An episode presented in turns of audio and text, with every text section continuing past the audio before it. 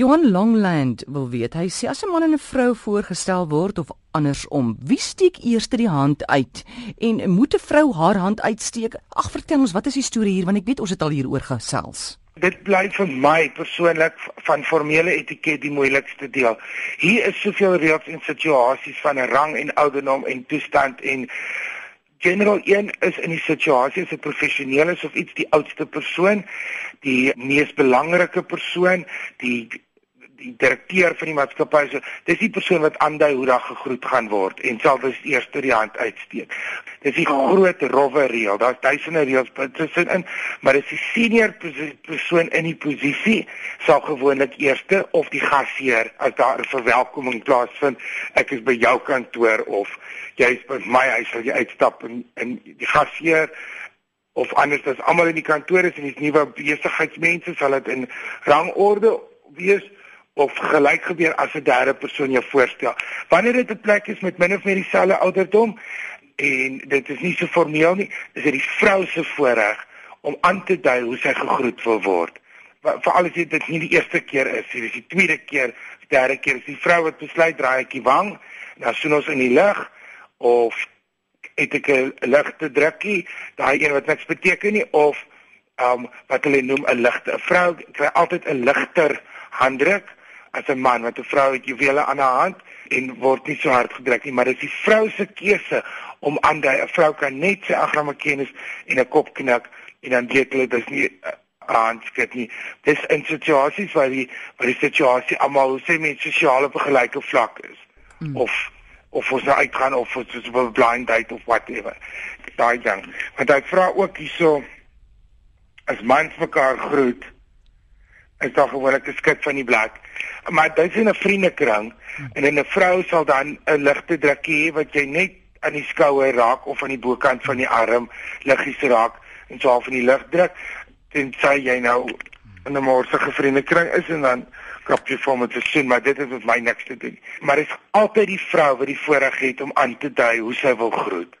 Soos sy in die lig soos in Europa of soos sy op die wang of sy 'n drukkie of sy die hand en so dis die vrou se voorreg om dit aan te dry. Dan 'n oulike brief van RD Knight. Sy sê my kleinseun het sopas sy eerste voortand op 7 jaar gewissel. Is dit nog van pas om hom van die tandmuis te vertel of is dit oudmodies? Sy maat sê vir hom daar bestaan nie so iets nie, ook nie 'n Kersvader nie. Hoe beantwoord ek hom? Daar's twee goed. Op daai ouderdom is 'n prettige ouderdom en jy verloor dit nooit weer nie. Vertel nie my storie, maar Jy sal die volgende dag 'n grap maak en sê, "Daai eintlik kan nou net so 'n meisie vir my. O nee, dit jou oupa." Of iets. Maar moenie jou kind se pret wegvat. Dit is 'n groot excitement. 'n Kind is nie simpel, jy weet mos die meisie bestaan nie, maar hy gaan nog steeds kyk. Of dit dalk ook om die volgende oggend R5 of R10 in jou skoen te kry, is mos nou groot pret. So ek ek dink nie kinders moet van hulle fabels en goeders weghaal nie. Ek het 'n hele ander idee oor Kersvader want dit gaan oor 'n geloofsisteem. Dis 'n hele ander storie. Hmm. Maar 'n meisie spreek. Jy is klein as jy jou tand verloor. As jy nie dan nog opgewonde is oor 'n meisie of om te loer die aand onder jou bed uit te loer, gaan jou pa hier inkom met die kar mat oor sy kop of wat gaan gebeur nie. Dit maak dit verpret. So doen dit op 'n manier, daar is 'n manier om te doen om te sê dit staan eintlik reg, maar ons hmm. dalk is ons huis spesiaal. Dalk is in ouma se huis, is dit dalk so 'n meisie kinders moet fantasie aanleer en en moet dit geniet. Hy sê wat is die going rate vir 'n kindertand deesdae en kos kies tande meer as voortande of andersom of is almal maar een en dieselfde verkoopprys? Daar weet ek nou nie van nie, maar jy kan nou nie minder as 10 rand sit nie want wat 'n kind gaan nou wakker bly vir jy kan deesdae niks net doen met onder 10 rand nie. Jy sal twee coins sit of 'n handvol klein geld in 'n skoen of so iets. Dit is dis groot pret. Dit daar's nie 'n rate vir ietsie. Dit gaan net oor pret, maar dit moet nou ook so simpel wees vir die stomme kind om dood te hou want ek kan nie 'n bubblegum koop nie. Dalk kan die luisteraars ons laat weet wat is die prys deesdae vir daai tande. Ja, ek weet nie wat mense dit doen nie. Op watter ouderdom sal mens begin met sakgeld met jou kind? So vroeg as moontlik is die is die opvoedkundige reëls. Hierdie is nie etiket nie, dit is eintlik dit is 'n opvoedkundige issue, maar in in die algemeen word dit verstaan dat jy sakgeld begin implementeer tussen 4 en 7 wanneer kinders dit verstaan en verstaan dat dit 'n waarde het en dat spaar belangrik is, dat gee belangrik is, dat al hierdie goedjies dat geld is 'n ding wat nie jou lewe moet oorheers nie, maar die konsep van geld en daarom sal jy klein klein klein hulle koop nog niks op daai ouderdom nie. Jy sê vir hulle geldjie gee en leer om te spaar en dan op twee keer 'n jaar op 'n spesiale geleentheid kan hulle dan ietsie gaan kies of iets en so leer hulle die konsep van spaar. Dit is hoekom jy dit op daai tyd begin.